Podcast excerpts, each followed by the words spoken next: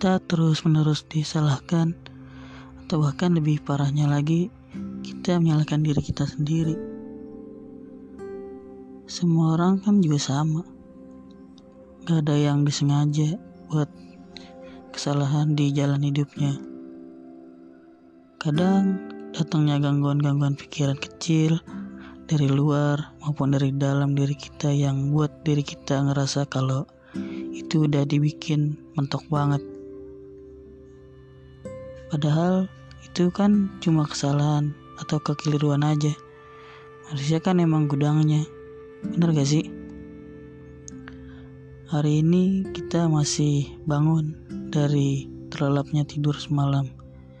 Jadi kita masih punya kesempatan lagi. Entah itu perjuangan, hal yang baru atau bisa juga perbaikan dari diri kita di masa lalu.